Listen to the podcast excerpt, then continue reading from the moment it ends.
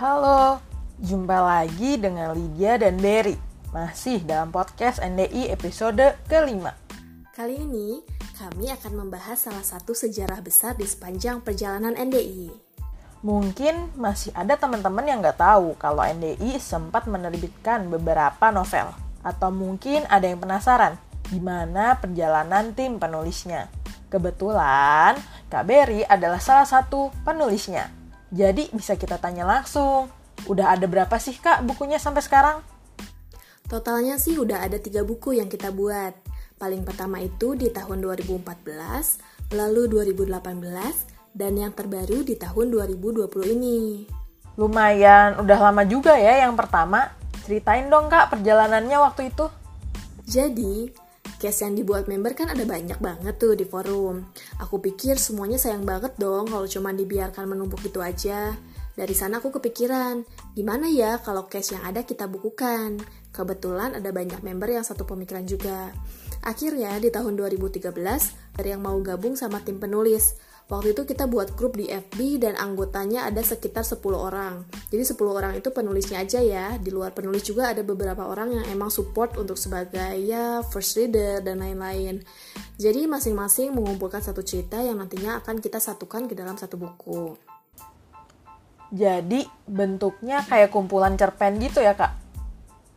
Ya awalnya sih gitu. Nah tapi Sayangnya tiba-tiba kegiatan kita tuh terhenti, biasalah kendala kesibukan masing-masing ya. Waktu itu aku ngerasa sayang aja, soalnya rancangan si bukunya itu udah selesai hampir 80%. Akhirnya aku mutusin buat nyelesain si case-nya itu sendiri ya, si bukunya itu sendiri. Dan di akhir tahun 2013, aku coba submit ke penerbit.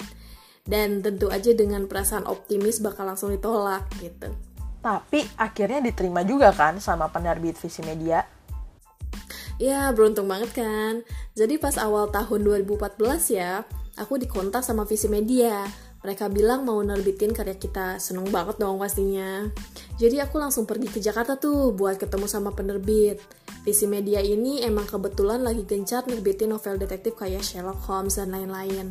Makanya sewaktu tahu ada NDI gitu ya, ada komunitas pecinta detektif, mereka antusias banget tuh. Wah, momennya tepat banget ya dan beruntung juga NDI bisa nerbitin satu novel. Dan bukunya ini sekarang udah nggak jadi kumcer lagi ya kak, malah denger-dengar jadi novel. Ya bener, itu permintaan dari penerbit. Mereka bilang kayaknya bakal lebih menarik kalau ceritanya dibuat novel aja yang punya satu benang merah. Jadi mereka kasih tantangan kita buat ngerombak isi buku yang tadinya kumcer jadi sebuah novel. Berarti bener-bener ngubah dari nol ya kak? Terus tim penulisnya tetap sama nggak sama yang awal? Pas waktu itu sih aku mutusin buat ngerombak tim ya, soalnya jumlahnya terlalu banyak dan emang mau cari yang bener-bener bisa fokus gitu ya untuk nulis. Berhubung di, kita cuma dikasih waktu satu bulan doang buat ngerombak novel dari nol gitu kan, wow gitu. Kalau misalkan bener-bener 10 orang ini ikut terjun, aku pikir bakal susah banget sih gitu untuk e, merancang satu novel yang emang inti ceritanya tuh satu gitu. Karena secara kepala kita kan banyak ya kepala membernya ada 10 orang gitu dan merancang juga bakal lebih susah. Nah makanya udah deh ambil lima aja kayak gitu. Nah dulu sih aku nggak inget gimana cara saring orang-orangnya. Tapi akhirnya si tim penulis NDI itu cuma ada lima orang yaitu aku, Nuno, Andri, Rijal, dan Irfan gimana caranya tuh kak? Bisa bikin novel tapi penulisnya banyak. Dan semuanya di domisili yang beda-beda. Susah banget. Ternyata nggak semudah itu. Nah apalagi kan kita semua kerja jarak jauh ya. Ada yang di Tasik, di Makassar bahkan gitu di Surabaya dan di Bandung kayak gitu ya dan di Sumedang waktu itu. Nah, jadi pas waktu itu aku inget banget perjalanan pada saat kita dikejar deadline ya kan kita cuma dikasih waktu satu bulan tuh. Sempat ada yang hilang gitu karena kesibukan. Dan ada yang writer blocks juga gitu. Wah kita bingung banget gimana nih gitu ya. Deadline udah deket tapi si ceritanya belum rampung. Sementara si penulisnya tuh lagi kesendat gitu ya.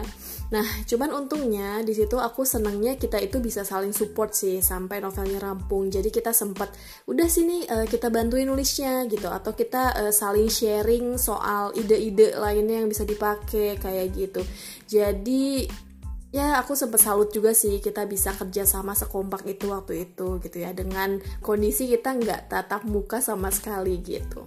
Nah, buat yang belum tahu, jadi novelnya itu bercerita soal sebuah organisasi yang menawarkan jasa penanganan kasus bernama NDI. Ceritanya NDI ini sedang mencari anggota baru dan kelima tokoh itu yang akhirnya mereka rekrut.